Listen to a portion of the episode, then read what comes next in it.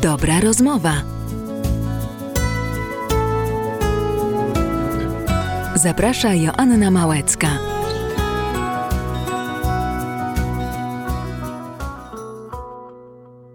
Dobry wieczór Państwu, witamy w sobotę o godzinie 20. E, piękny weekend. Myślę, że każdy z Państwa już ochłonął po tygodniu pełnym pracy i pełnym wyzwań. Teraz spokojnie, że może sobie usiąść w tym przysłowiowym fotelu e, i posłuchać e, mojego nowego programu, który nazywa się Dobra Rozmowa i cieszę się, że mogę być tutaj dzisiaj z Państwem. A zaczynam z przytupem, proszę Państwa. Zaczynam z. Myślę, że z fajnego kalibru. Państwo sami ocenicie. Moim i Państwa gościem jest dzisiaj profesor Maciej Błaszak. Witam serdecznie. Witam, dzień dobry Janno, witam Państwa serdecznie. Dzisiaj porozmawiamy o czymś, co chyba każdego z nas dotyka i intryguje. O tym, dlaczego w tych takich trudnych dzisiejszych czasach nie potrafimy się dogadać i o mózgu, który właściwie tym wszystkim steruje. A Ty jesteś fachowcem w tej dziedzinie. Rzeczywiście zajmuję się taką dziedziną, która nazywa się kognitywistyka. To jest nauka o procesach poznawczych, a więc o mózgu, myśli i zachowaniu. Rzeczywiście bardzo ważnym komponentem tej układanki jest mózg. Jest szalenie złożony. Składa się z 86 miliardów komórek nerwowych i takiej samej liczby komórek glejowych, które odżywiają, wspierają, budują architekturę. Jeżeli jeszcze przyjmiemy, że każda z tych komórek nerwowych ma od kilku tysięcy do dziesięciu tysięcy połączeń i każde z tych połączeń może być w kilku stanach, które nazywamy wagami i to wszystko przez siebie przemnożymy, to liczba stanów funkcjonalnych mózgu człowieka jest porównywalna z liczbą atomów we wszechświecie. To jest sytuacja niewyobrażalnie duża. My w tej chwili zrobiliśmy duży postęp, jeżeli chodzi o badania nad mózgiem. Po pierwsze, mamy coraz lepszy sprzęt głównie funkcjonalny rezonans magnetyczny. Potrafimy badać mózg u człowieka, który jest przytomny, który wykonuje jakiś proces poznawczy. Po drugie, jest bardzo duży postęp badań klinicznych, a więc poznajemy normę poprzez badanie różnych form patologii. I wreszcie włączyliśmy badania nad mózgiem w pewien paradygmat ewolucyjny, a więc e, szukamy odpowiedzi na pytania adaptacyjne, do czego mózg służy. Do czego mózg służy? No, jest tu pewien paradoks, bo nam się wszystkim wydaje, że mózg służy do myślenia, no mózg tak. służy do uczenia się. Tak. Natomiast mózg przede wszystkim jest organem, który ma pomóc właścicielowi nawet nie tylko przeżyć, ale przede wszystkim się rozmnożyć, czyli, czyli mówiąc krótko, przekazać geny dalej. I to jest o tyle istotny fakt, że tłumaczy mnóstwo takich dziwnych zachowań mózgu. Mhm. Kiedy badamy mózg i próbujemy mózg porównać do jakiegoś systemu logiki, nie ma logiki. E, znaczy jest logika ewolucyjna, okay. a to nie jest logika taka... Matematyczna taka. Matematyczna, nie? taki rachunek zdań czy rachunek predykatów. To nie jest taka logika. To również, i to już jest ciekawsze, nie jest teoria racjonalnego wyboru, czyli coś, co e, Państwo po studiach ekonomicznych znacie jako mikroekonomia a więc w mózgu jest cała masa skrótów. W mózgu jest cała masa mechanizmów obronnych, e, ponieważ, i to jest e, kolejna szokująca informacja, mózg jest średnio zainteresowany prawdą. O proszę. E, mózg jest zainteresowany budową światopoglądu, mhm. dlatego że w ramach światopoglądu, czyli tego, co filozofowie w tradycji niemieckiej nazywają Weltanschauung, my tak naprawdę mamy bardzo stabilny, uporządkowany e, model życia. Tak? E, to też zabrzmi paradoksalnie, ale e, są badane różne grupy etniczne pod kątem sukcesu ekonomicznego, społecznego i demograficznego i grupy, które odnoszą zadziwiający sukces, to są zamknięte grupy religijne. Aha. na przykład ortodoksyjni Żydzi czy Mormoni. Mhm. I nawet jeżeli ich filozofia się nie pokrywa z paradygmatem naukowym, bo się nie pokrywa, to w gruncie rzeczy oni są życiowo szalenie skuteczni. Natomiast naukowcy tacy jak ja to są ludzie, którzy yy, na przykład yy, mają lekkie skłonności do depresji ponieważ... Artyści podobno E, też. Artyści, ale naukowcy z definicji, ponieważ e, nasza praca polega na tym, że jak cokolwiek odkryjemy, no to zgodnie z metodologią musimy od razu poddać procedurom falsyfikacyjnym, czy musimy krytykować, tak? Tak. Czy moi znajomi, moja rodzina mówi, Macie, jak coś odkryjesz, to się naciesz tym, to jest twój sukces, twoje dziecko, a ja muszę od razu to zaatakować, tak? Czyli w gruncie rzeczy naukowcy są zawsze w lekkim dołku, bo zawsze pracują w takim szalenie krytycznym podejściu do rzeczywistości. Może dlatego nie ma ich aż tak wielu. E, Może no się tak. poddają po drodze i zmieniają Być może zawód. są również inne powody, na przykład natury finansowej. Na przykład. Kontynuuj, bo ci przerwałam, przepraszam. Także e, mm, co możemy powiedzieć e, o mózgu? No mózg przede wszystkim jest częścią większej całości. My dzisiaj mówimy o, o, o kategorii umysłu rozszerzonego, tak zwany extended mind. I na umysł rozszerzony się składa mózg, się składa nasze ciało i się składa odpowiednio ukształtowane otoczenie. Jest to o tyle istotne, że mózg robi wszystko, aby wyeksportować maksymalną liczbę procesów poznawczych poza własne granice. Dlaczego tak jest? Jest tak dlatego, że mózg ma bardzo mało energii na przeprowadzenie procesów poznawczych. E, Tu jest też e, swoisty paradoks, ponieważ e, zapewne część z Państwa i Ty, Janno, słyszeliście, że mózg jest bardzo kosztowny w użyciu. Rzeczywiście jest bardzo kosztowny. Mózg człowieka dorosłego waży średnio 1370 gramów. To jest jakieś 2-3% masy naszego ciała. Niedużo, niedużo. Niedużo i gdyby była pełna demokracja, to mózg powinien brać 2-3% energii. On Tak. bierze 10 razy tyle, tak? Między 20 a 25%, a u noworodka 60-70%. E, czyli bierze dużo. E, Są nawet e, takie hipotezy, które, i to dobrze ugruntowane, które sugerują, że nam mózgi się mogły powiększyć tylko dlatego, że skróciły się nam przewody pokarmowe, ponieważ przewód pokarmowy to jest drugi najbardziej kosztowny y, fragment, układ naszego ciała, a to skrócenie przewodu pokarmowego było możliwe tylko dlatego, że przeszliśmy na dietę mięsną. Y, Co nie oznacza, że dzisiaj należy jeść mięso.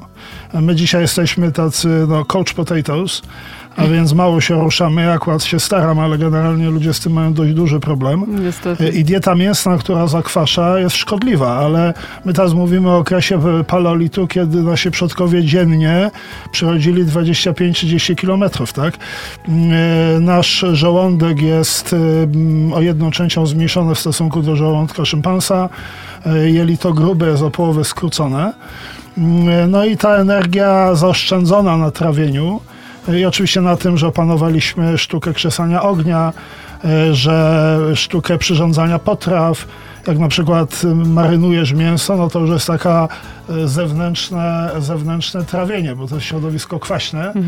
Także marynowane mięso jest po prostu lepiej trawione niż takie czysto surowe, więc mamy całe zabiegi, żeby jak najmniej zużywać na to jedzonko. I ta energia została y, uwolniona i, i, i delegowana do pracy mózgu, czyli mózg rzeczywiście bierze dużo. Natomiast w całkowitej takiej strategii energetycznej mózg i całe nasze ciało biorą szalenie mało. Y, Jeżeli mamy taki dzień chilloutowy, zbliża się, no, audycja jest, Urlop audycja jest. w Urlop. sobotę. W sobotę tak, sobota, w wieczór, sobotę tak.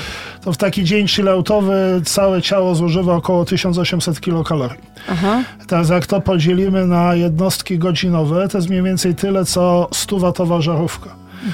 E, Z tego mózg bierze, e, no właśnie 20, powiedzmy 25%, czyli mózg bierze mniej więcej tyle, co 20-watowa żarówka na godzinę, to jest około 2 grosze.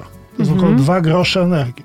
I za pomocą tych 2 groszy energii mózg obsługuje wszystko. My nie widzimy oczyma, tylko my widzimy mózgiem. My nie słyszymy uszami, tylko my słyszymy mózgiem. My mamy takie urządzenie, nazywa się międzyczaszkowy no, układ stymulujący magnesem, e, gdzie możemy przyłożyć elektrodę do czaszki i e, człowiekowi wyłączymy widzenie barwne, które jest w ośrodku Aha. V4 w skroni, e, mimo tego, że no, nie naruszymy mu oczu. Tak? Także ostateczna analiza obrazu następuje w mózgu. Oczywiście siatkówka to jest komputer. Oczywiście oko jest szalenie ważne, ale y, to rozwiązuje mózg. Mózg poza percepcją zajmuje się podejmowaniem decyzji, dokonywaniem wyboru, myśleniem, e, wnioskowaniem, e, uruchamia działanie i dzisiaj już też wiemy, że steruje całą fizjologią. My dzisiaj odchodzimy od pojęcia homostazy, mhm. czy takiej równowagi ciała, bo homostaza się opiera na takich dwóch filarach. Obydwa filary uległy falsyfikacji. Po pierwsze, homostaza mówi, że każdy parametr fizjologiczny ma jeden poziom idealny. Na przykład mamy jedno idealne ciśnienie krwi. Mhm. Jak do seniora przychodzi lekarz rodzinny i senior się pyta, panie doktorze, jakie powinno mieć ciśnienie krwi i lekarz rzuca skurczowe, rozkurczowe, to i senior i lekarz myślą, nie myślą homostatycznie, no ale to jest oczywiście kuriozum. No, no podaję zawsze taki przykład lekko lekko y, dowcipny. Wyobraź sobie, że mam takie samo ciśnienie krwi, kiedy śpię i kiedy uprawiam seks, tak? Mhm. No to podczas seksu bym prawdopodobnie zasnął, tak? W związku z tym sytuacja jest tego typu, że w zależności od tego, co robię, jest mnóstwo idealnych poziomów, tak? A druga sprawa, homostaza mówi, że przywracanie równowagi angażuje mechanizmy lokalne. Jak są problemy z wodą, temat yy, obsługiwany jest przez nerki.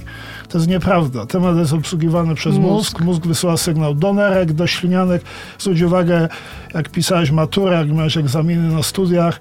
Nie wiem, czy chcę do tego wracać. No tak, ale zapewne pamiętasz, bo to jest przeżycie quasi-traumatyczne. Tak. Najbardziej y, y, stresujące dla mnie była obrona pracy magisterskiej i wtedy myślałam, że to na zawał. Oczywiście, Naprawdę. ale na pewno miałeś gdzieś butelkę z wodą, ale ponieważ oczywiście. wyschnięta jama ustna, ślinianki są przyblokowane, tak. bo mówiąc krótko, walczysz o życie. Także my dzisiaj odchodzimy od pojęcia homostazy, wprowadzamy pojęcie alostaz. Mhm. No i mózg steruje całą alostazą, no i to, to sterowanie jest e, no niebagatelne. Tylko chcę uświadomić, e, w jakim tempie niektóre procesy fizjologiczne zachodzą. Na przykład u zdrowego mężczyzny, mężczyzna w ciągu każdej sekundy produkuje 1000-1500 plemników. I mózg mhm. o tym wie. I on to wszystko obsługuje za pomocą dwóch groszy na godzinę. Więc to jest po prostu mistrzostwo świata. Tak. No i teraz pojawia się pytanie, jak on to, jak on to realizuje, tak? Więc pierwsza sprawa jest taka, że informacje przetwarza szalenie miękko i szalenie wolno, co oznacza miękko. No, wiesz, że jest taki system sygnalizacyjny na statkach, na lotniskach, nazywa się semafor. Każda litera alfabetu to jakiś układ dłoni z chorągiewkami. Wiesz, że przejście od jednej litery do drugiej, od jednego układu dłoni do drugiego, może być albo miękkie, łagodne, albo gwałtowne. No więc w momencie, kiedy cokolwiek jest szarpane, to idzie znacznie więcej energii. Więc jak patrzymy na przykład na sygnał elektryczny na kablu miedzianym, to są takie iglice, natomiast w mózgu ta amplituda jest bardzo spłaszczona. Mhm. Druga sprawa, mózg jest szalenie wolny. Mózg przetwarza informacje 30 milionów razy wolniej niż kabel elektryczny w komputerze. 30 milionów razy wolniej, bo to jest średnio 10 metrów na sekundę, a tutaj jest prędkość światła 300 milionów metrów na sekundę. Mhm. Więc ja zawsze mówię do moich studentów, że jak mówią, że jestem leniwcem intelektualnym, ślimakiem i żółwiem intelektualnym, to jest komplement. Bo gdybym ja nagle się stał zającem, to by mi głowa eksplodowała. Tak? Właśnie. To sprawia się pytanie, dlaczego podczas wywiadu nie robię wrażenia ślimaka intelektualnego. No bo ja mam takich kabli miliardy i te kable się uzupełniają. Tak? Ja nie robię wrażenia wolnomyślącego, ale w gruncie rzeczy jestem wolnomyślący dzięki Bogu. Tak? Mhm. Druga sprawa, mózg jest maksymalnie nieprecyzyjny. My często mówimy naszym dzieciom, nie rób czegoś po łebkach, a mistrzem świata robienia po łebkach jest mózg. Jak masz liczbę 5 mhm. i masz liczbę 5 i 3 miejsca po przecinku i masz przetworzyć materialną reprezentację obydwu liczb, to przetwarzanie materialnej reprezentacji tej drugiej liczby kosztuje dużo więcej. Mhm. Więc mózg jest tak nieprecyzyjny, jak się tylko da. My nigdy nie optymalizujemy, my podejmujemy decyzje wystarczająco dobre. Na przykład ja nigdy w życiu nie kupiłem najlepszego chleba. Tak? Bo kupuję, wchodzę do piekarni się pytam, czy jest orkiszowy, tak jest. Za ile? Poproszę. Za tyle. Poproszę. To jest optymalizacja? Nie. Ty mi mówisz, Macieja, sprawdziłeś piekarnię w Puszczykowie? No nie, nie sprawdziłem. A tak? zobaczyłeś żytni na przykład a razowy, żytni, jakiś inny? A zapytałeś się, co członkowie twojej rodziny lubią, nie tak. lubią? A spytałeś się lekarza rodzinnego, czy oni w ogóle mogą jeść chleb na zakwasie? Kiedy my skończył kupowanie chleba? 17? Ja, mhm. na ten, ja na ten temat mam pół minuty, tak? Więc nigdy nie optymalizujemy na to zwrócił uwagę już taki laureat Nagrody Nobla z ekonomii Herbert Simon, który jest jednocześnie współtwórcą sztucznej inteligencji. który mówił, że mamy racjonalność ograniczoną, bounded rationality i wprowadził taki nowy termin satisficing, to jest połączenie dwóch angielskich słów, suffice, czyli wystarczyć i satisfy, być zadowolonym, a więc my jesteśmy zadowoleni z tego, co nam po prostu wystarcza, wystarcza, tak? Czyli pewien taki minimalizm życiowy. No I trzecia rzecz, y, mózg w wymiarze przedmiotowym, przedmiotowym, czyli mówienia na temat, przetwarza wyłącznie nowości, czyli tak zwane błędy predykcyjne. Jeżeli e, pojawia się informacja, którą mózg już zna, to ona tak naprawdę e, w hipokampie nie jest dalej przepuszczana do kory mózgowej. Ale ja teraz mówię o tym wymiarze przedmiotowym, czyli mówienia na temat. Tak? A więc e, warto o tym pamiętać. Mózg reaguje tylko na zaskoczenia, tylko na nowości. Tak, e, jeżeli, a ja się trochę tym zajmuję, jakimiś tam szkoleniami biznesowymi, to czasami lepiej mówić nie na temat, a mówić rzeczy nowe niż na temat. Aha, trzeci raz to słyszę, bo wtedy nie ma żadnego efektu. Oczywiście, oczywiście yy, ten ostatni moment też jest przejściem do, do kolejnego wątku, który poruszyłaś, a poruszyłaś problem komunikacji. Tak. Otóż y, musimy przede wszystkim pamiętać, że jak my się komunikujemy, to jednocześnie się komunikujemy na czterech płaszczyznach. Czyli jak my ze sobą w tej chwili rozmawiamy, to rozmowa idzie na czterech płaszczyznach. Jest płaszczyzna przedmiotowa, czyli mówimy na temat, tak? Umówiliśmy się na jakiś temat. Czyli jak ja coś mówię, to twój mózg zadaje sobie teraz po cichu pytanie. Pytanie brzmi, o co chodzi? Maciej, o co chodzi, tak? I bardzo często na tej płaszczyźnie ekspert, a ekspert y, szacujemy, że to jest po 10 tysiącach godzin praktyki. Więc jak ja pracuję 30 lat na uniwersytecie, to jestem wielokrotnym ekspertem. Tak. To nie jest komplement, tylko opis sytuacji, tak? Tak jest. No to ekspert, ty zresztą w swoim zawodzie też jesteś Też, ekspertem, tak. więc to też nie jest komplement, tylko fakt. I bardzo często eksperci na płaszczyźnie przedmiotowej popełniają błąd, który nazywa się błąd przekleństwa wiedzy, czyli knowledge curse. Oni zapominają, jak to jest być freshmanem, jak to jest być na początku drogi, tak? A więc mi na przykład bardzo dobrze robią zajęcia z e, pierwszym rokiem licencjatu, bo wtedy odkrywam tak naprawdę, jak wygląda stan, kiedy nic nie wiem na temat mózgu, tak? I wtedy w gruncie rzeczy oni mnie zmuszają do tego, żeby maksymalnie upraszczał, czyli maksymalnie komunikacyjnie był sprawny, tak? Gdybym rozmawiał z innymi profesorami, no to później dla słuchaczy radia to byłby jakiś bełkot, tak? No bo w gruncie Nie, nikt by rzeczy nas nie Nikt zrozumiał by nie zrozumiał i to byłby mój problem, a nie Tak. słuchacza, tak? Potem jest druga płaszczyzna, płaszczyzna ujawniania siebie. Yy, Na tej płaszczyźnie, jak ja prowadzę wykład, twój mózg sobie zadaje pytanie, Maciej, kim jesteś? I to jest dosłownie Maciej, a nie panie profesorze, ponieważ na drugiej płaszczyźnie, mimo tego, że rozmawiam o mózgu, ja jednocześnie u- ujawniam mnóstwo informacji o sobie. Również takich, które wolałbym ukryć. Na przykład braki w wykształceniu, na przykład pochodzenie społeczne. Tak? Są takie rzeczy, którymi się lekko krępujemy. Na drugiej płaszczyźnie to wychodzi. I teraz ta druga płaszczyzna jest o tyle ciekawa, że ona fajnie pracuje w takich relacjach, a trochę o tym mówiliśmy, w takich relacjach damsko-męskich. No tak, bo ona ponieważ- pozwala poznać drugiego człowieka. no i oszacować, No i oszacować, tak? I teraz e, ciekawa informacja jest taka, że kobiety trochę inaczej szacują mężczyzn, a mężczyźni No, trochę oczywiście. inaczej kobiety. Tak. E, ważniejszy jest oczywiście wybór kobiet. E, kobieta jest silną płcią, mężczyzna jest płcią słabą. Widać to już w organizacji e, materiału genetycznego. Poza tymi chromosomami autosomalnymi mamy chromosomy płciowe. I ty masz dwa X, mam X Y. Z Y naprawdę nie jest dobrze. C- Co mu dolega? Ciągle degeneruje. Okej. Jak się będzie skracał w tym tempie, w jakim się skraca, za 30 tysięcy lat zniknie, więc nie wiem, co to będzie. No To strasznie brzmi. Jakiś wariant Six Misji, ale w każdym razie jest słaby. E, oczywiście to, że mężczyzna jest słaby, a, a kobieta jest mocna, to ma swoje jest zalety i wady. Mężczyzna jest znacznie bardziej transparentny. Czyli jeżeli ja jestem zdrowy na ciele, to mam prawdopodobnie zdrowe geny. Jak kobieta jest zdrowa, no to nadal nic nie wiadomo, bo jednym miksem może jakiś tam defekt genetyczny maskować. Tak? To się z reguły okazuje, kiedy rodzi syna. Tak? I dopiero matka jest nosicielem, a u syna widać pewną chorobę. Natomiast do czego zmierzam? Zmierzam do tego, że my się trochę inaczej wybieramy. E, może najpierw powiem o tym wyborze, mm, którego dokonują mężczyźni. No więc oczywiście każda kobieta to zbiór takich cech jak uroda, jak y, miły, miły mm, charakter, jak, jak fajna osobowość, Mhm. y, jak spora wiedza, duża inteligencja i tak dalej. Natomiast y, mężczyzna nie bierze średniej ważonej po 15%. Tylko najpierw jest, wchodzi uroda, potem jest przerwa, no i potem może rzucić resztę, tak?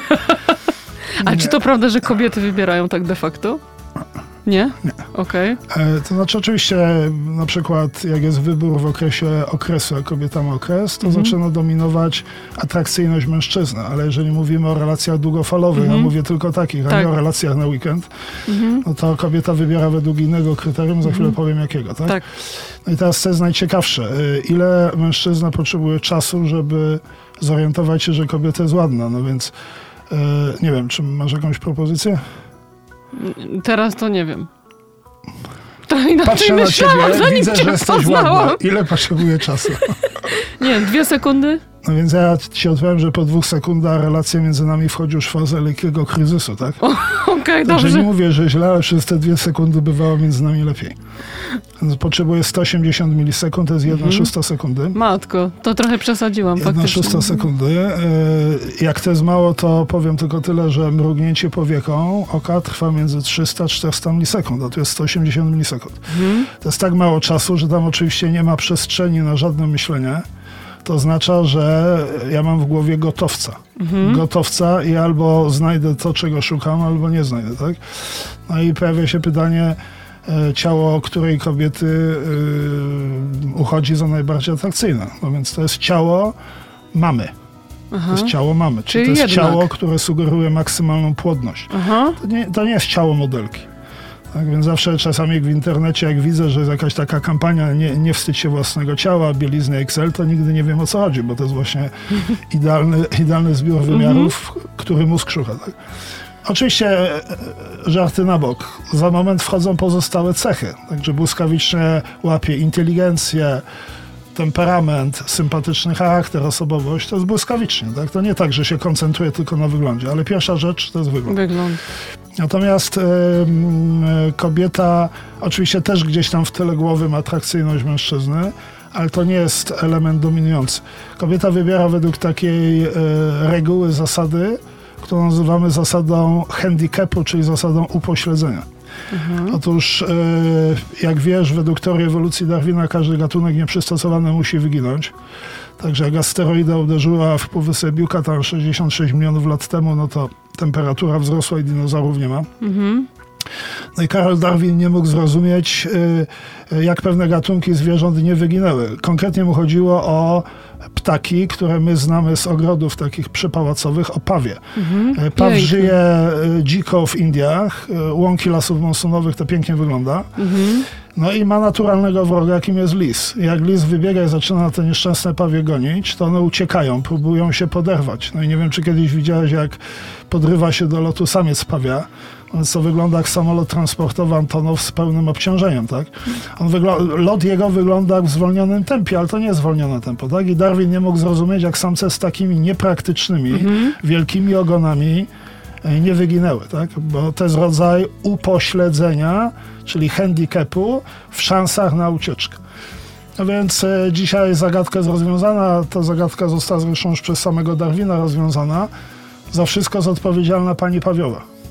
Nigdy z Okej. panią Pawiową nie rozmawiałem, ale wiemy według, jakiego, kry- według jakich kryteriów ona wybiera partnera. Mianowicie ona do rozrodu, jak dostanie taki sygnał hormonalny związany z porą roku, wybiera samca z największym ogonem, Aha. ona myśli w następujący sposób.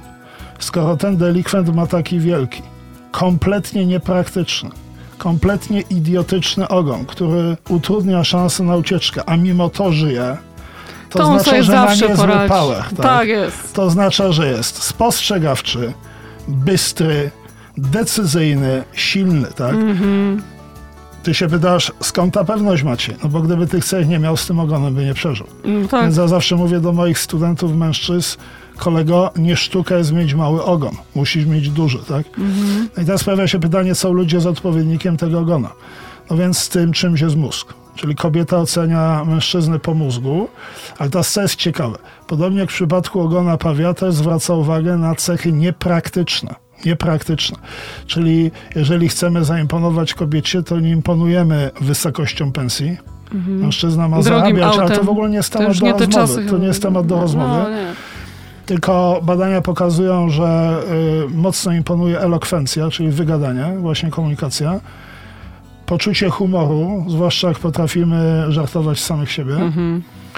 Y, niepraktyczne hobby, tak? Czyli y, kolega gra na gitarze, wiadomo, że nigdy na tej grze nie zarobi żadnych pieniędzy, bo jest kompletnym amatorem, a więc można powiedzieć, że z perspektywy takich parametrów ekonomicznych jest to totalna strata czasu, ale jego partnerka to bardzo ceni, bo myśli w następujący sposób. Skoro on robi karierę zawodową, skoro się zajmuje rodziną, jeszcze ma czas na tą nieszczęsną gitarę, to znaczy, że ma duży potencjał.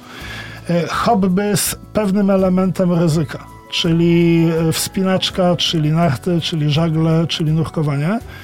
I wreszcie coś, co jest chyba najłatwiejsze, współpraca i umiejętność dzielenia się. To jest podstawa. Czyli powiedzmy, e, gdybyś tutaj w radiu miała kolegę, który e, po godzinach pracy bezinteresownie zostaje godziny i tobie pomaga, no to jego akcje w twoich oczach Rosną. idą bardzo No, ale w górę, bardzo w górę. Tak. Więc to jest ta, ta zasada e, handicapu. Trzecia, trzecia mm, e, płaszczyzna komunikacji to jest płaszczyzna wzajemnej relacji. Czyli jak ja coś mówię w tej chwili, to ty sobie zadasz pytanie e, Maciej, za kogo mnie masz, tak? Czyli budujemy pewną relację. No i tutaj y, wyczulam też wszystkich Państwa na to, żeby o tych relacjach pamiętać, tak? Yy, no prosta sytuacja. Dzisiaj w dwójkę byliśmy przed godziną dziewiątą, się mówiliśmy Na dziewiątą. po dziewiątej w ogóle No jeszcze. właśnie, tak. ale jest taka sytuacja, że jak na przykład prowadzę szkolenie, no to ja mogę czekać na moich klientów, oni na mnie nigdy, tak? Mhm. Jak na przykład na Teamsach szef robi zebranie i pracownik się spóźnia dwie minuty i ja mówię spóźniłem się dwie minuty, on mówi Maciej, przesadzasz, szef jeszcze nie odpalił kompa. Ale nie chodzi o płaszczyznę pierwszą, co on powiedział, nie powiedział. Chodzi o sam fakt, że szef jest przed tobą, tak? Więc musimy być bardzo wyczuleni. I ostatnia płaszczyzna to jest płaszczyzna apelu. Ja prowadzę wykład, twój mózg pytanie, co mam zrobić. I teraz te cztery płaszczyzny oznaczają, że jak nadawca mówi, to nie ma nigdy pewności, co odbiorca słyszy. Tak? No wyobraźmy sobie, że jadę z żoną samochodem, że żona jest za kierownicą, jestem pasażerem, stoimy na światłach i nagle ja mówię zielone. No to zielone to nawet nie jest zdanie, tylko równoważnik zdania, więc już prościej się powiedzieć nie da. Mimo tego, że to jest tak proste, to ja nigdy nie wiem, co w gruncie rzeczy odbiorca słyszy. Jak zareaguje. No bo jak zareaguje na płaszczyźnie przedmiotowej, pierwszej, to może powiedzieć rzeczywiście zielone, ale jak Boga kocham, takiej reakcji nie słyszałem. Dużo bardziej prawdopodobna reakcja jest na ujawnianiu siebie. Ja mówię zielona, a druga strona mówi Maciej, spieszy się tobie? Dobrze się czujesz? Dobrze się Mhm, czujesz? Wszystko okej? Potem jest płaszczyzna trzecia, najbardziej prawdopodobna, relacyjna, ponieważ no, gdzieś tam pokutuje przekonanie, że mężczyźni uważają kobiety za gorszych kierowców, więc Tak. po takiej uwadze kobieta błyskawicznie się broni. Mówi prowadzę ja czy ty. No i na płaszczyźnie apelu po prostu nic nie mówi, tylko dodaje gazu. A więc zwróć uwagę proszę, że przy bardzo prostej wypowiedzi jest no niejednoznaczność interpretacji. Dlaczego tak trudno nam się dzisiaj dogadać? Bo wydawałoby się, że to jest możliwe i że te zwoje w mózgu działają prawidłowo, a mimo tego i w pracy, i w domu coraz trudniej nam się porozumieć. To znaczy, ja bym powiedział, że są e, takie powody trochę obiektywne, które działały zawsze. Czyli zawsze się było trudno dogadać, za chwilę powiem dlaczego. Natomiast są też takie subiektywne, związane z czasami, w których żyjemy. E, jak już powiedziałem, mózg e, preferuje światopogląd w stosunku do prawdy. E, na poziomie e, psychologii, czy na poziomie umysłu, to się nazywa błąd potwierdzenia, czyli confirmation bias. Czyli e, w momencie, kiedy docierają do mnie informacje, które nie pasują do moich poglądów, ja te informacje wycinam. Jak badamy siłę sygnału błędu w mózgu, to w momencie, kiedy do mnie docierają poglądy polityczne, światopoglądowe, które nie pasują do tego, co ja mam w tyle głowy, to tak jakbym ich nie zauważył.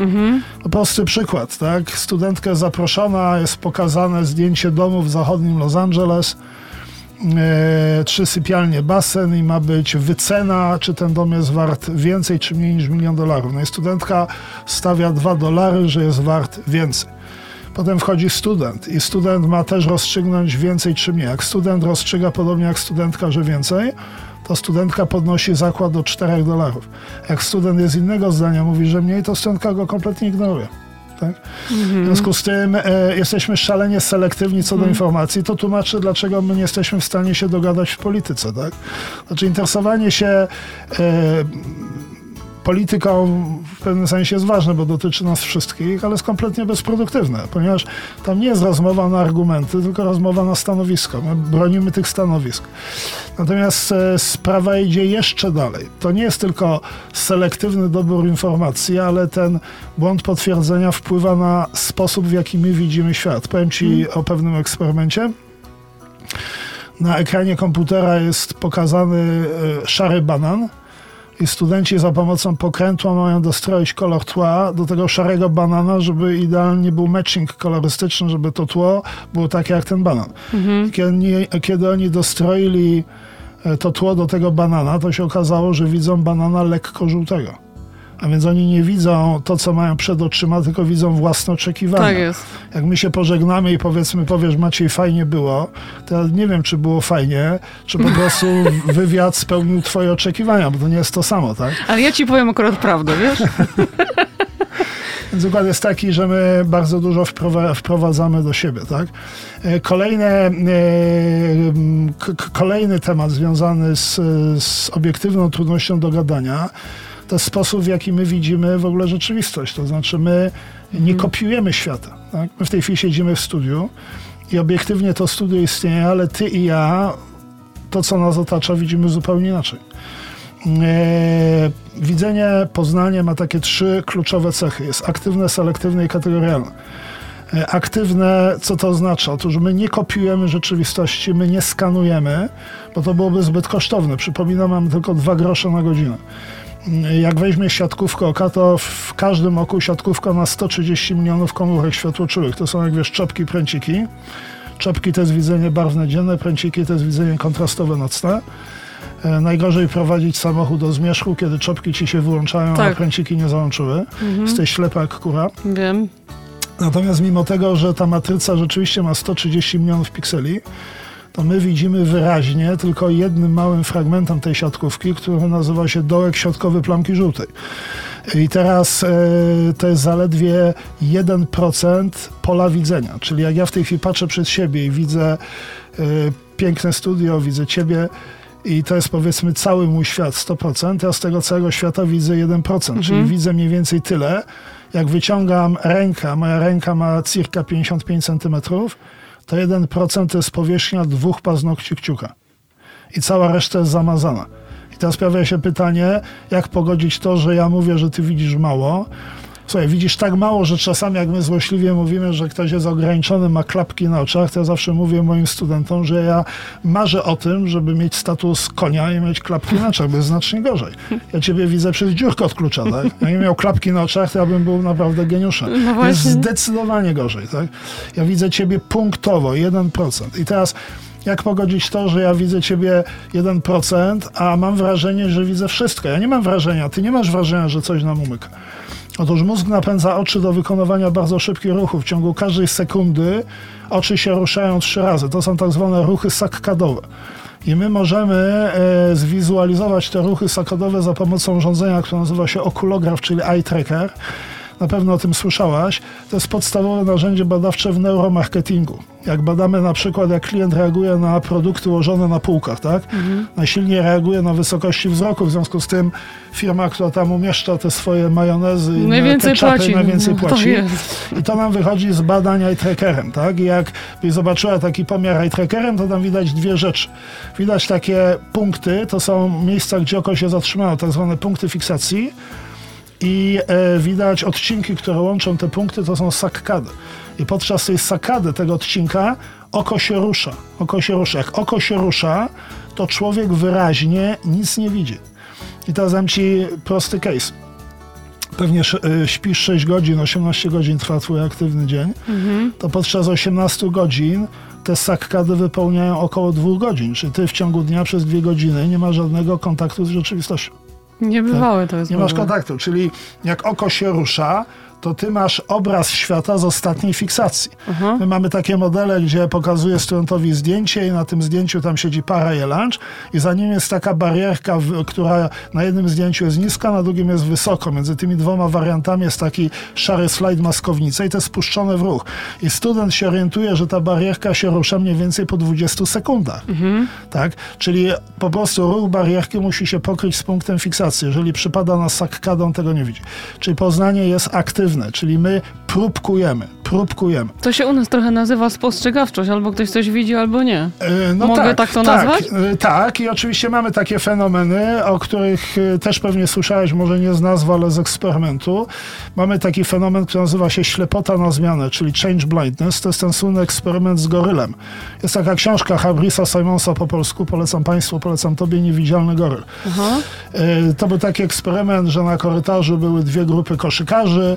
Koszykarze ubrani na biało, to jest jeden z wariantów eksperymentów. Na biało i na czarno. I ci na biało rzucali między sobą piłkę, i ci na czarno rzucali między sobą piłkę, tak? I e, student miał policzyć liczbę podań e, piłki koszykarzy ubranych na biało, no ale ci na czarno są gdzieś tam obok, w polu widzenia. No i liczy, liczy tych ubranych na biało między sobą i nagle między koszykarzami ubranymi na czarno przychodzi człowiek przebrany za goryla.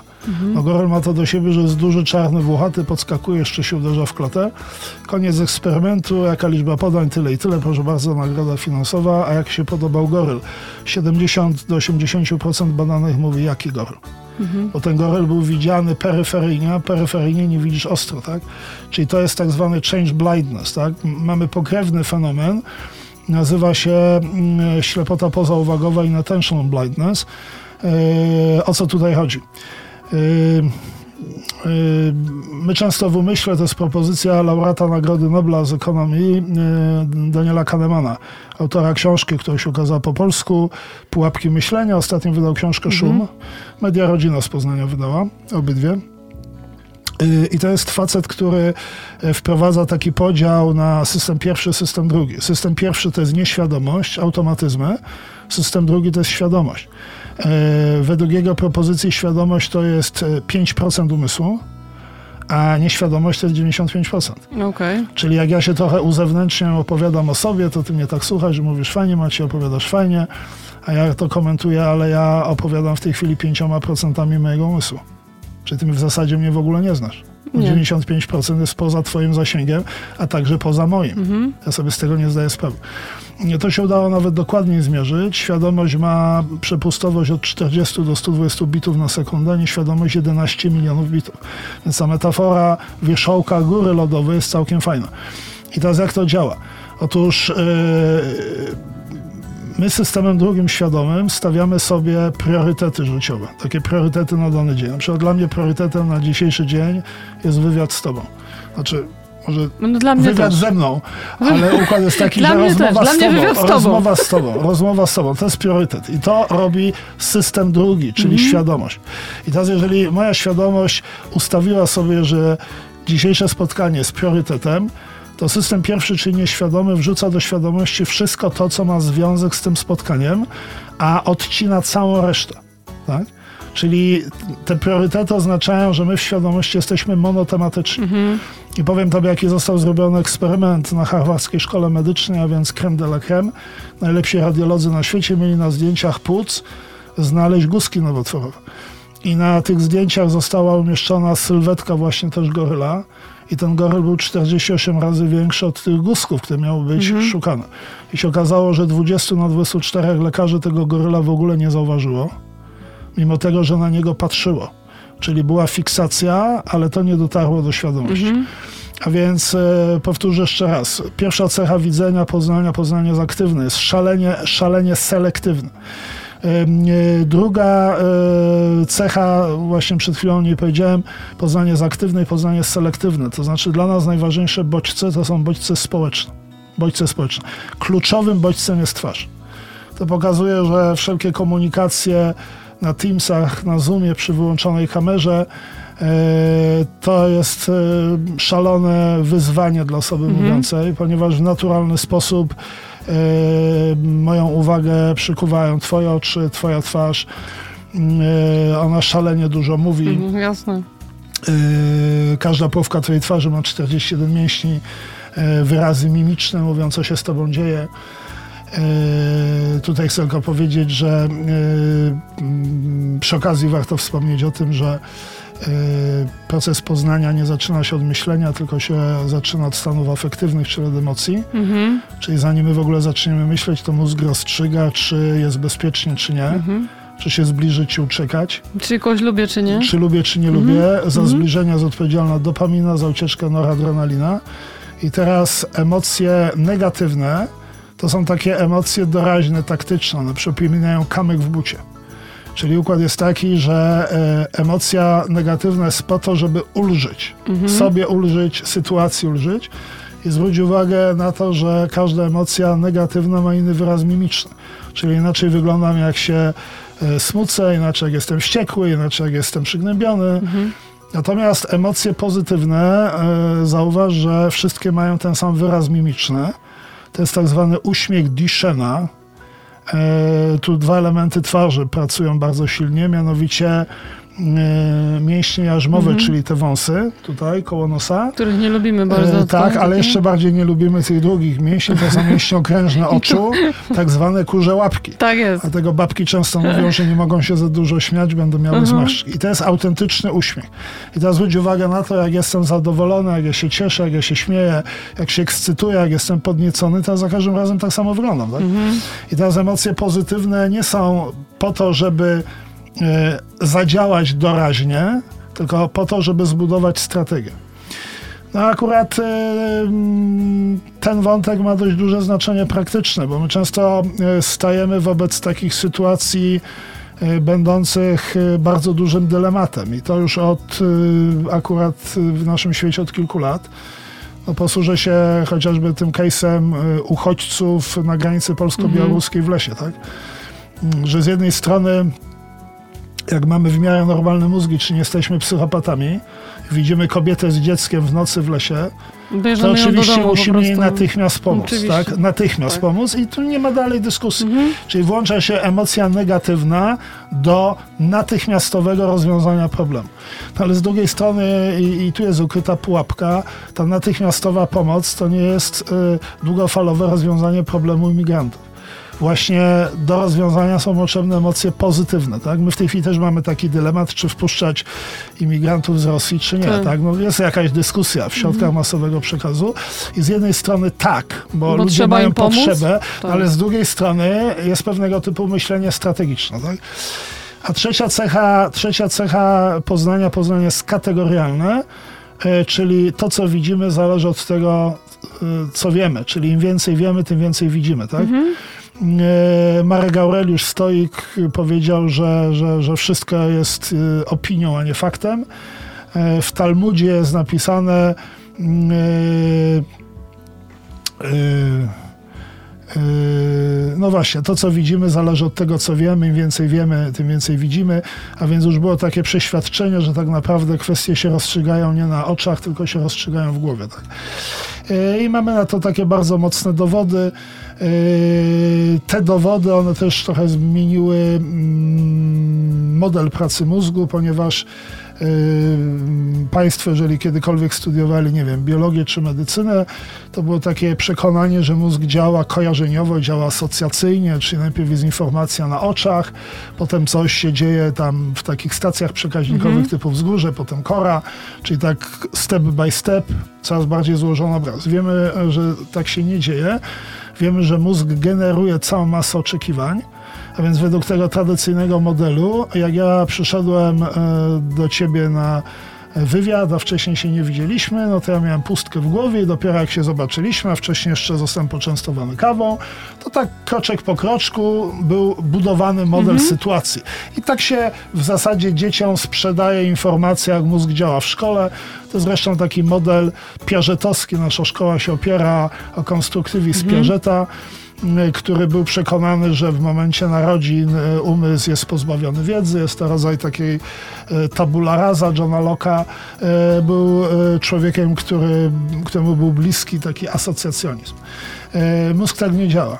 Mózg ma całą masę wiedzy i wrodzonej, i y, nabytej jeszcze w okresie ciąży. Y, My na przykład wiemy, bo takie badania są prowadzone, że mm, dzieci w momencie narodzin potrafią liczyć do, do sześciu. Y, Okej. Prosty eksperyment. Takie dziecko ma smoczek, ten smoczek jest z czujnikami podłączony do sprzętu. No i dziecko y, na wszystko, co go zdziwi, reaguje tak samo jak osoba dorosła, czyli wciąga powietrze, a więc jak coś go zaskoczy, jak jest surprised, no to ciągnie to powietrze, ciągnie tego smoka i wskazówka się wychyla. No i y, pokazuje się takiemu dziecku sześć autek, sześć autek wjeżdża za kotarę, za kotary wyjeżdżają tylko cztery autka, dziecko zasysa smoka i mówi, błaszak dwóch się nie mogę doliczyć, tak?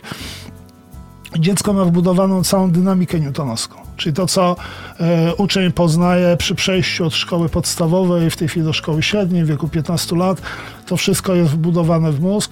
Jak się e, małemu dziecku pokaże dużą czerwoną kulę, dziecko jest zainteresowane, bo kula duża czerwona, nagle ją puszczam i wiadomo, jak ona się powinna zachować, ale nie moja kula bezsterowana magnesem za przepierzenia zawisa w powietrzu. Dziecko zasysa smoka, czyli pokazuje swoje potężne zaskoczenie, tak?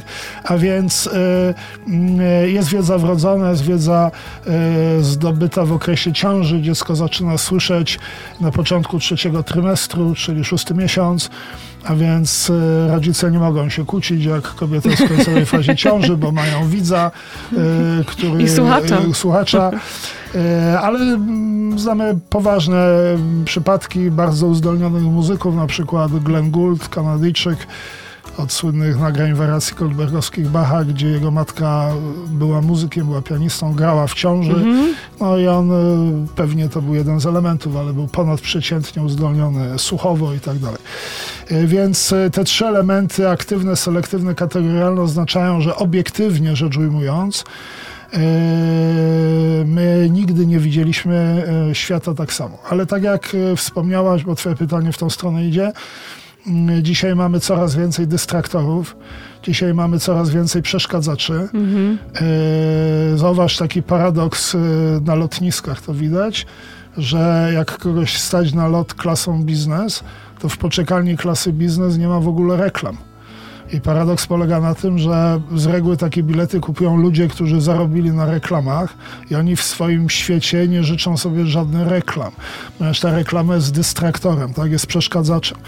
Yy, powiem ci o kilku rzeczach. Jeżeli w twojej skrzynce wisi jakiś ważny mail i nie został jeszcze przed ciebie, przez ciebie odczytany, to taką operacyjny iloraz inteligencji ci obniża jakieś 10 punktów, a człowiek ma średnio 100 punktów. Czyli jeden mail sprawia, że my o jedną dziesiątą jesteśmy głupsi, tak? Y, Jeżeli są osoby ubogie, a w tej chwili ten margines ubóstwa się zwiększy, bo widać co się dzieje, Tak. y, to ubóstwo y, obniża IQ o 13 punktów. Czyli jak mamy taką sytuację, że, a mamy takie sytuacje, że w supermarkecie ktoś kupił i potem studiuje paragon, nic z tym złego, tylko musimy pamiętać o tym, że przeznaczamy na to energię, tak? Mm, Więc ja nie wiem, czy mnie czasami w kasie ktoś nie oszukał, a tych paragonów staram się nie studiować. W każdym razie to studiowanie paragonów to jest mniej więcej taki profil pracy umysłu, jak, jak gdybyś prowadziła wywiad i całą noc nie spała, tak? Czyli, czyli no, to nie są twoje maksymalne możliwości, maksymalne obroty, tak? Czyli oczywiście te dystraktory. E, Kolejna kwestia, e, no właśnie to, że my coraz mniej ze sobą rozmawiamy. E, To, I wręcz co- mamy problem, żeby ze Mamy sobą problem, rozmawiać mamy coraz mniej okazji, Tak. nie potrafimy tego robić. Mm, Coraz mniej używamy rąk, funkcji pisania, coraz częściej używamy klawiatury, a przypominam, że takim kołem zamachowym dla mózgu są kończyny górne. Mhm. E, No kolejna sprawa, te relacje są coraz bardziej powierzchowne. My, e, my jesteśmy z natury ultraspołeczni. E, To oznacza, że największym dramatem, jaki nas w życiu może spotkać, to jest samotność. My najbardziej e, na świecie nie lubimy wykluczenia. Wykluczenia. Na zasadzie Maciej, mm, zaprosiłam cię na wywiad, ale muszę ci powiedzieć, że się rozmyśliłam, tak? No to jestem Najgorzej. znakautowany, tak? No tak. Dojdę za cztery dni do siebie, tak? O tym musimy pamiętać. I teraz... Albo na przykład w pracy, przyjść na spotkania, mamy ważne Nie, no spotkania, to w jest- ostatniej chwili do ciebie dzwoni, wiesz co, właściwie to jest coś niepotrzebne. Jana, Jana, nawet mi tego nie mów, nie? bo słabo jest mi się robi. Podczas, nawet nie smutno, to jeszcze gorzej. E, Podam ci prosty przykład. Mózg nie ma komórek, komórek bólowych, czyli nocyceptorów, czy jak ciebie boli głowa, to nie mózg, tylko opony, Mhm. ale mózg zbiera informacje o bólu z otoczenia, z ciała i przetwarza w tej samej strukturze, która nazywa się przednia kora zakrętu obręczy. I teraz, e, gdybym e, zapytał ciebie, gdybym zapytał państwa, proszę sobie przypomnieć najbardziej bolesny moment z czasów, kiedy byliście dziećmi w szkole podstawowej. Mhm. Czy to był ból fizyczny, czy ból społeczny? Czy to był złamany palec, czy to było wykluczenie przez grupę? No niestety to ostatnie. Niestety tak. Pewnie pamiętasz dyskotekę w szkole. Jak wszyscy tańczyli, ja wszyscy- stałam pod ścianą. No ty na pewno nie stałaś, ale ktoś stał. Stałam, bo byłam gruba i wszyscy się ze mnie nie stałaś, śmiali. Ale, ale powiem ci, że, smutne. ale powiem ci, że e, to jest traumatyczna sytuacja. Jest. Tak? Ktoś o mnie zapomniał, ktoś mnie nie docenił Mhm. e, i tak dalej, i tak Ktoś dalej. mnie upokorzył na przykład, to bo jest, poniżył. To jest, to jest, To jest straszna rzecz. E, To się potem nawet rozlewa, dlatego że my mamy jeszcze inną strukturę w mózgu związaną z naszą socjalizacją, mianowicie neurony lustrzane. Neurony lustrzane mamy w korze wyspy i w przedniej korze zakrętu obręczy, czyli w tej samym miejscu, gdzie jest ból. I neurony lustrzane są odpowiedzialne za empatię, bo one działają w dwóch sytuacjach. Kiedy ja coś robię i kiedy widzę, że dokładnie ty robisz to samo. Tak? A więc na przykład, jak ja teraz mówię, a ty na mnie patrzysz, to e, w twojej głowie e, równo, powiedzmy, że to, co ja w tej chwili robię, to jest rodzaj mini wykładu. To w twojej głowie na odcinku neuronów lustrzanych równolegle zachodzi drugi mini wykład. Toczka w toczkę, taki jak mój. Mhm. Tą jedną różnicą, że u ciebie w głowie w roli wykładowcy nie jestem ja, tylko jesteś ty. Więc ja zawsze mówię do moich studentów, e, zachęcając ich, żeby poprzychodzili jednak na wykłady, zawsze im mówię, słuchaj, za kilka lat, jak będziesz miał wystąpienie przed prezesem i prezes powie, że bardzo mu się podobało, to pamiętaj stary, że częściowo mnie to zawdzięczasz. Bo kiedy siedziałeś u mnie na wykładzie, a ja się produkowałem, to twoje neurony lustrzane kręciły film, kręciły skrypt, który właśnie teraz włączyłeś. Tak, teraz włączyłeś na potrzeby wizerunku, zbudowania wizerunku przed prezesem. Więc warto. No i oczywiście te neurony lustrzane niestety kopiują wszystko jak śmierć i dobre i złe. Jak wokół siebie widzimy patologię, widzimy wykluczenie, widzimy eliminację człowieka, no to na nas to działa e, fatalnie. To Mhm. również oznacza, że nie potrafimy oddzielić stresu w pracy od y, sytuacji w domu. Prosty eksperyment. Matki przyszły z rocznymi dziećmi y, do laboratorium. Dziećmi się zajęły wykwalifikowane opiekunki, a matki zostały podzielone na dwie grupy i miały wygłaszać wykłady. My generalnie y, bardzo nie lubimy wystąpień publicznych, bo właśnie panicznie się boimy odrzucenia. W Stanach nawet zrobiono badania, że ludzie bardziej się obawiają wystąpień publicznych niż własnej śmierci, To jest co ciekawe. oznacza, że podczas pogrzebu lepiej być w trumnie niż wygłaszać mowę nad trumną. Tak. E, No i teraz e, jedna grupa matek wygłaszała do pustej sali, a druga grupa matek wygłaszała do audytorium, które były, było nieprzychylnie nastawione. Typu kręcili się, sprawdzali mm, komórki, SMS i tak dalej. Te matki z drugiej grupy się szalenie zestresowały. Mhm. I kiedy wróciły do swoich dzieci, jednej i drugiej, a dzieci w ogóle nie widziały tej akcji, i wzięły te dzieci na ręce, dzieci natychmiast przejęły stres matek z drugiej grupy. Mhm. Czyli przytulały się, żeby pobudzić oksytocynę, czyli nie utrzymywały kontaktu wzrokowego, nie chciały się bawić, tak? Więc ja zawsze mówię, że jeżeli masz taką robotę, która cię stresowo rozkłada, to musisz zmienić pracę, bo ci się posypie życie prywatne, tak? Bo jedno przenosisz na drugie, tak? Więc o tym akurat warto pamiętać. Yy, W każdym bądź razie no, dzi- ży- żyjemy dzisiaj w takim, w takim świecie, gdzie mm, bardzo łatwo takie wykluczenie, bardzo łatwo o takie uprzedmiotowienie człowieka. E, My bardzo mocno na to reagujemy, ponieważ e, ból społeczny mm, jest numer jeden. Nie ból fizyczny, ból społeczny. Mhm. E, To oczywiście oznacza wiele innych rzeczy. Mm, Oznacza e, po pierwsze, że i tutaj kłania się teoria mózgu społecznego Robina Dunbara, nam się mózgi w przeszłości powiększyły nie w odpowiedzi na wyzwania świata fizycznego, bo było zimno, bo było 20 tysięcy lat w Europie ostatnie zlodowacenie, tylko mi się mózg powiększył moim przodkom, dlatego żeby radzić sobie z innymi ludźmi. My mamy duże mózgi, bo ja muszę sobie poradzić z tobą, a ty musisz sobie Mhm. poradzić ze mną. Sobie świetnie ze sobą radzimy. ale My mamy akurat tak, mózgi, to, tak? tak. No i co jest ciekawe, otóż Robin Dunbar, który jest y, profesorem antropologii na Oksfordzie, jeszcze w latach 80. wyprowadził taką liniową zależność między coraz większymi mózgami, a konkretnie coraz większą korą mózgową, małpiatki, małpy, ludzie, a coraz liczniejszą grupą, którą osobnik o takim mózgu potrafi kontrolować. I się okazuje, że e, osobnicy o naszych mózgach potrafią e, kontrolować grupę do 150 osób.